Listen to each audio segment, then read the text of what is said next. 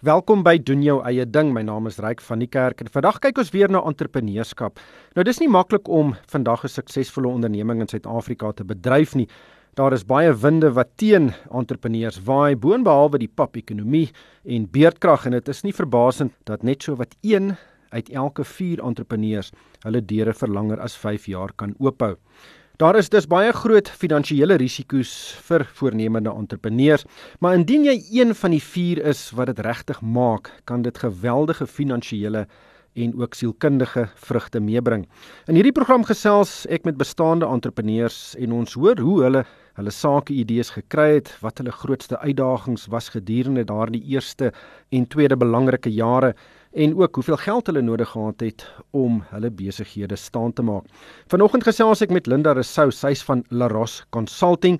Dis 'n besigheid wat sy in 2020 gestig het en dit volg nadat sy 'n lang en uiters suksesvolle korporatiewe loopbaan gehad het. Sy's 'n rekenmeester en 'n geregistreerde finansiële beampte en sy het voorheen verskeie senior posisies by onder meer Shoprite en Element 6 beklee. Vertel ons net eerstens, wat is jou agtergrond en wat het met jou gebeur in jou lewe tot en met jy nou besluit het luister, ek wil my eie besigheid begin. Baie dankie Ryk en baie lekker om hier by jou en die luisteraars te wees. Ja, weet jy, entrepreneurskap was altyd seker maar in 'n mens se agtergrond alhoewel dit nie noodwendig so in die voorgrond was nie.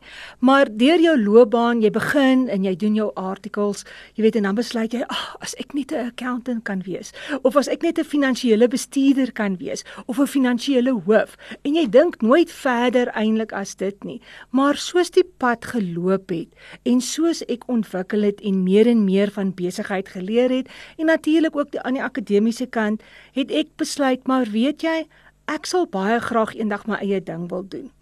En in 2015 toe ek by Element 6 was, het die raad eintlik vir my genader en gevra, "Wil jy nie 'n bestuurs uitkoop doen nie?" En dit beteken basies hulle sê vir jou koop hierdie besigheid by ons en dan uh, kan jy dit verder vat want jy weet presies wat aan daai besigheid aangaan. Absoluut, want ek was nou al 'n paar jaar daar en op daardie stadium was daar baie druk so Element 6 het die myn wese bedien met sekere produkte en daar was baie druk op daardie stadium om dan swart bemagtiging te doen. En natuurlik, jy weet, Duitse aandeelhouers skram weg van swart bemagtiging want hulle verstaan nie altyd nie of hulle weet nie of jy weet wat ook al die rede was. So hulle kom toe in Maart 2015 na my toe en vra: "Malinda, wil jy nie hierdie ding doen nie?" Man, weet jy, ryk en dit was 'n wonderlike geleentheid en ek het dit dadelik aangegryp en ehm um, het gaan soek vir swart bemagtiging vennote. Vennote, daar sy. Dankie. vennote, amper gebruik ek die Engelse woord en ehm um, dit was 'n wonderlike proses om deur te gaan. Maar ongelukkig in Desember van daardie jaar, ehm um, toe die finale kontrak moes onderteken, het Element 6 besluit nee, weet jy wat, hulle gaan eerder saam met 'n ander groot maatskappy. En dit was natuurlik, joh, hartverskeurend, jy weet. Maar ek het aangebly en um, ek het hulle uitgehelp en ons het toe nou nog weer 'n uh, transaksie gedoen wat toe nou expert mining was. Ek het hom uitgehelp vir jaar en toe het ek geskuif. En die idee was net om so 'n jaar of 2 te bly en dan my eie ding te begin. Maar Toe gebeur COVID.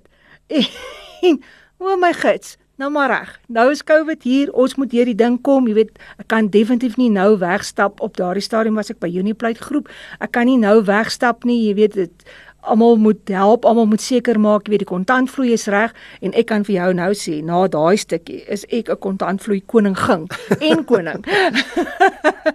en toe 2020 het ek eintlik Laras Consulting gestig as deel van die strategiese beplanning van Uniplate groep. En ek gaan nie so daarop uitwy nie want dit is deel van hulle strategiese beplanning, maar ons het toe nooit dit so aangewend nie. En in 2021 toe besluit ek, maar weet jy wat, né? Dis nou die tyd. Dis nou omtrent tydens die Grendeltyd. Ja, net in daardie tyd toe besluit ek, maar weet jy, as ek nie nou 'n besluit neem nie en 'n plan maak nie, dan gaan ek dit nooit doen nie. Jy weet 'n mens kom op 'n sekere ouderdom. Ek kan nou nie so hard die ouderdom sê nie, maar ons kom daar en dan besluit jy nou maar reg, gaan ek die volgende weet 10 tot 15 jaar bly in koöperatief of gaan ek eerder my eie ding doen en besluit, nou maar goed, jy weet, ek kan soveel ander waarde toevoeg tot mense se se besighede, my kennis deel in 'n ander vorm as net in koöperatief en toe het ek net die besluit geneem. Ja, kyk, jy's 'n rekenmeester, jy's gesertifiseerde rekenkundige beampte, jy het verskeie senior posisies beklee by hierdie maatskappye Element 6 maar dit moes nog steeds 'n baie groot besluit gewees het want tydens daai grendeltyd daardie tydperk tussen 2020 en 2021 het niemand geweet wat van hierdie wêreld van ons gaan word nie en natuurlik finansiële sekuriteit moet kritiek wees in daardie tyd. So, hoe het jy oor geld gedink terwyl jy nou daardie besluit so oorgekou het en nagekou het? Ryk ja, baie interessante proses. So natuurlik wie beplan kontantvloei, jy weet vir 6 maande of 'n jaar. Veral as jy gewoond is aan 'n koöperatiewe salaris, jy kry 'n sekere salaris. Niemand het natuurlik, jy weet, intensiewe bonusse gekry nie, maar ek bedoel jy kry 'n vaste salaris en jy is verseker van jou salaris.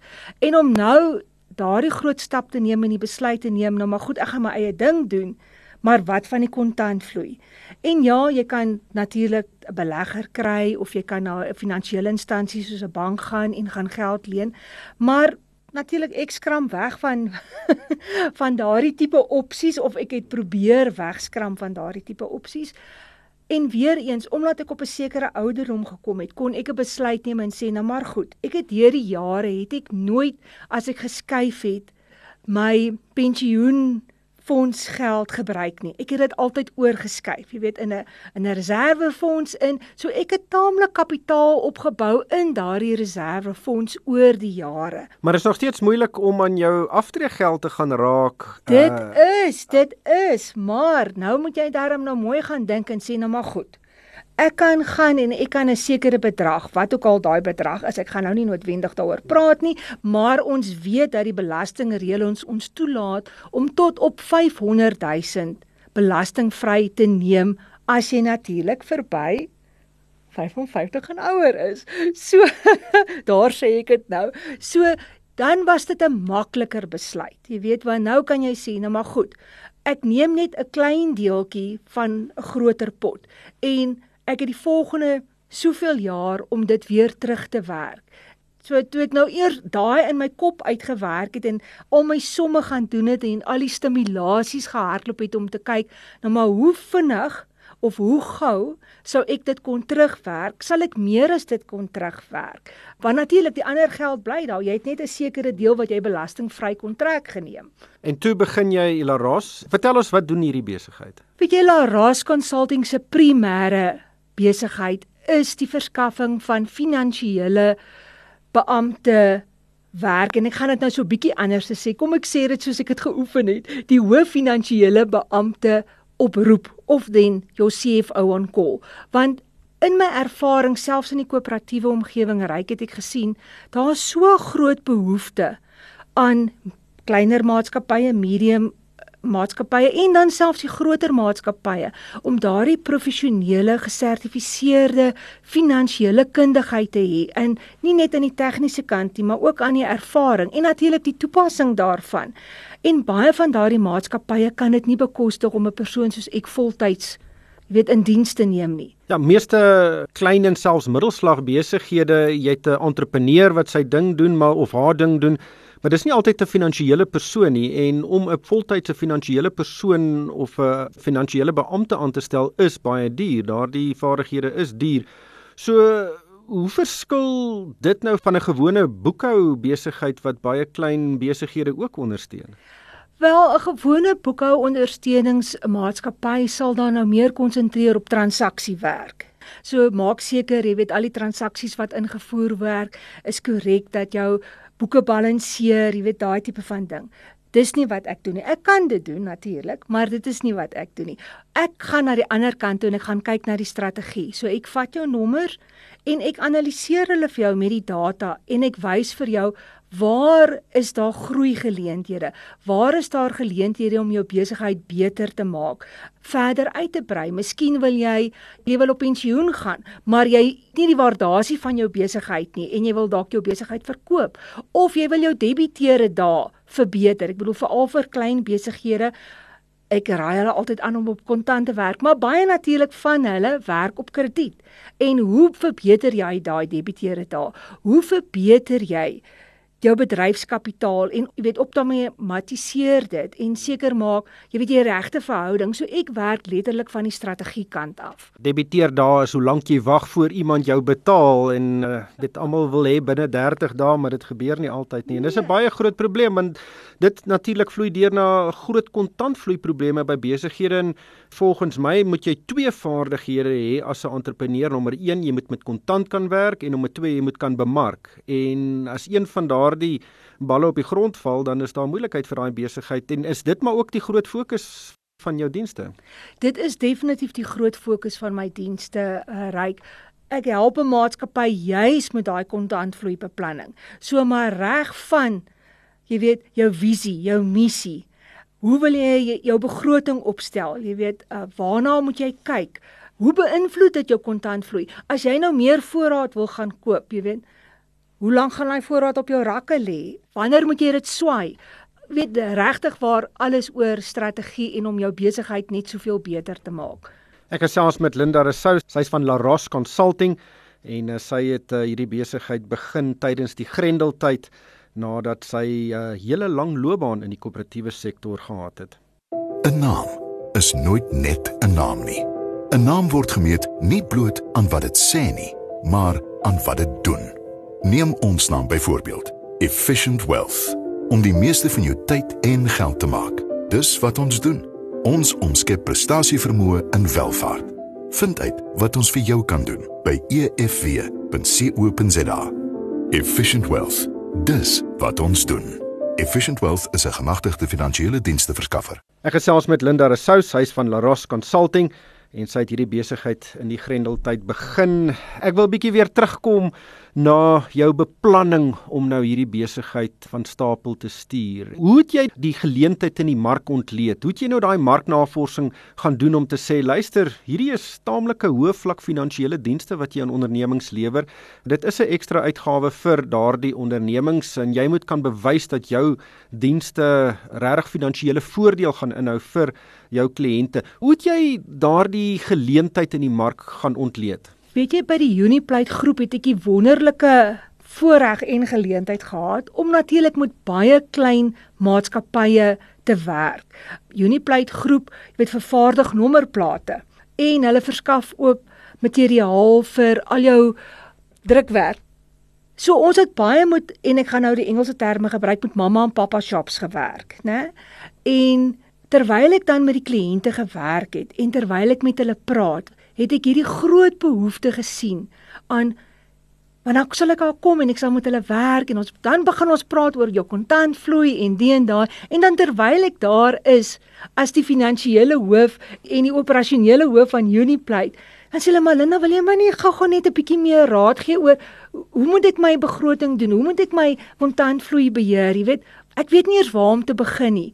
En terwyl ek besig was met dit, het ek dan ook 'n groot geleentheid raak gesien vir besigheidsafrigting of coaching.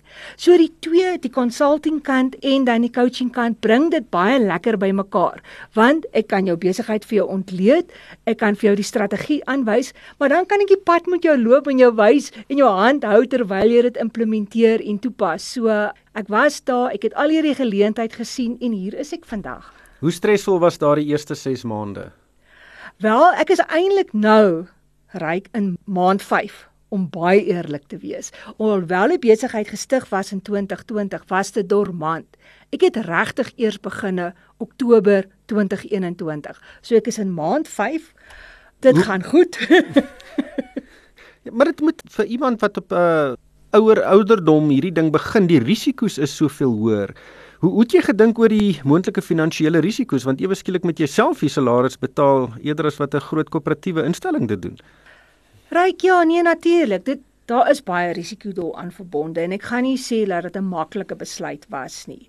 Maar weer eens, jy weet jy het gegaan, jy het jou beplanning gedoen. Jy het seker gemaak dat jy sekere goed in plek sit met weet inkomste, versekerings en dit en dat en jy weet al die volgende. So as ek nou vir jou sê, jy weet ek het 'n hele finansiële beplanning gedoen en waar kan ek dit doen? Hoe kan ek my persoonlike uitgawes bietjie sny? Byvoorbeeld, ek het 'n groot motorkar gery. Baie groot motorkar. Maar verlede jaar September het ek vir my 'n baie kleiner motorkar gaan. Wel slaar splinter nuwe een, maar heel wat kleiner sodat my onderhoudskoste soveel minder is. Omdat ek nie as ek nou nuwe bande moet opsit, R12000 moet uithaal vir dit nie. Ek hoef nou eers nie miskien R2000 uit te haal vir vir nuwe bande nie. En jy weet, ek het 'n seun van 16 jaar oud, so ek het vir hom gesê, Hierdie my seun is jou motortjie. Mamma ry hom vir jou so lank in. Teen die tyd wat jy matriek is, is hy net mooi ingery en dan kan ek weer daarna kyk. Maar weet jy, Ryk, ek dink dit gaan oor die beplanning. Jy moet bereid wees om sekere opofferings te maak want anderste gaan jy dit nooit doen nie. En as jy hierdie droom het in afrigting leer ons, jy weet ek het professionele afrigting gekry vir meer as 'n jaar lank sodat ek professionele afrigter gesertifiseer kan wees. En in dit sê hulle die hele tyd vir jou, Dream out loud. Volg daai droom wat jy het, volg hom na. En ja, alles is teen jou, die ekonomie is teen jou, alles is teen jou. Maar jy weet, ryk, ek wil ook nie op 70 kom en wonder, "Sjoe, wat as ek nie die geleentheid geneem het nie?" Omdat daar reeds in 2015 'n geleentheid was en toe het dit nie uitgewerk nie. Was ek nou skrikkerig en is ek nog steeds skrikkerig? Natuurlik, ek gaan nie vir jou jok nie. Maar ek wil ook soos ek sê, daarom nou nie kom by die punt waar ek gesê het nee, sjo, ek was te bang om daai kans te waag nie. Want daar is soveel geleenthede nog in ons eie land, wonderlike geleenthede. Ja, hier's ongelooflike geleenthede. Ons is 'n land met baie probleme en baie mense kyk vas in die probleme, maar elke probleem bring 'n geleentheid. En uh, soos jy gesê het, as jy iets in die mark raak sien waar jy sien daar is 'n leemte in waar 'n besigheid binne kan ontwikkel, dan kan dit 'n regtige 'n suksesvolle besigheid wees. Wat is jou raad aan iemand wat nou na hierdie gesprek luister? Miskien sit hulle in 'n groot kantoor, kyk by die venster uit en droom van hulle eie besigheid, maar hulle is net nie heeltemal so oortuig daarvan dat hulle dit 'n suksesvolle besigheid kan maak nie. Wel, jy weet, Ryk, ek dink daar's geen formule en geen versekering dat enige besigheid suksesvol gaan wees nie. Ek bedoel, 'n besigheid is suksesvol natuurlik met baie goeie beplanning, met harde werk. Jy gaan langs die pad dalk iewers te, jy weet, bietjie afval, maar dan is dit om weer op te staan en weer te probeer en weer te probeer en weer te probeer. En my raad sou wees om te gaan en te gaan kyk regtig na jou mark. Waar is jou mark? Wat se geleentheid is daar? En gaan maak seker van jou feite. Ek bedoel vandag die internet is so 'n wonderlike plek om navorsing te kan gaan doen, gaan lees artikels, gaan fors na, gaan praat met mense en dan doen jou finansiële beplanning en dan dink ek baie belangrik, kry vir jou 'n besigheidsafrigter wat jou deur die pad kan help om net om jou gedagtes georden te kry. 'n Tipe van 'n mentorskap. Meer coach as mentor. Mentor is wanneer ek jou leer hoe om dit wat ek ken, my vaardighede aan jou oor te dra. Coaching gaan oor dit wat binne in jou is uit te bring en ons praat van unlock your potential. So daar is darm regtig waar 'n verskil tussen wat is afrigting en wat is mentorskap. Ja, ek dink is baie keer ook te doen met uh, mense het nie die selfvertroue om besluite te neem nie en dan kan jy iemand help deur te gesels oor die uitdagings dat daai persoon self die besluit neem eerder as wat uh, iemand vir hom sê wat om te doen. Die lewe van 'n entrepreneur is totaal en al anders as die van iemand wat in 'n kantoor sit. Eh, jy het nou vroeër gesê jy draai jou sente om, jy het 'n kleiner motor gekoop. En dit is ook 'n realiteit. Jou leefstyl verander. Jy kry nie sommer meer verlof nie. Jy weet siek verlof op 'n Vrydag of op 'n Maandag is iets van die verlede. Het dit jou enigstens geraak? Weet jy, ryk ja, natuurlik het dit 'n mens geraak. Dit is om soos van to go from hero to zero want van tevore was ek Linda Rousseau die so en so van so en so. Nou is ek Linda Rousseau van Laras Consulting, maar wie is Linda Rousseau en wie is Laras Consulting? So net eers daai stap het 'n geweldige impak op 'n mens se hele identiteit amper. Maar as jy sterk is in jou identiteit en jy glo regtig in wat jy doen, dan oorkom jy daardie dinge en ek sou sê die belangrikste ding is om jou rotine te hou. Ek het altyd 5 uur opgestaan. Ek staan nog steeds 5 uur op. Ek staan 5 uur op. Ek trek my kantoorklere aan en ek gaan na my kantoor toe binne in my huis, maar ek het 'n kamer geomskep in 'n regte kantoor. Dis naby my eetkamer. Ek kon my eetkamer mooi toemaak. So my eetkamer is my raadsaal vir wanneer ek kliënte ontvang en ja, dit is daai jou rotine het verander, maar die belangrikste van alles is ek het baie keer in koöperatief 16 ure 'n dag gewerk. Jy weet, dit is jy weet self, dit gaan woes in koöperatief. Jy moet seker maak jy kom by daai spertyd. Maak nou nie saak wat gebeur nie. Nou werk ek ook baie dae 16 ure 'n dag, maar ek kan dit struktureer. Ek hoef nie 8 uur by die kantoor te wees nie. Ek kan in die oggend opstaan. Ek en my man en ons jong seun kan 'n koppie koffie saam drink voordat ons dag begin.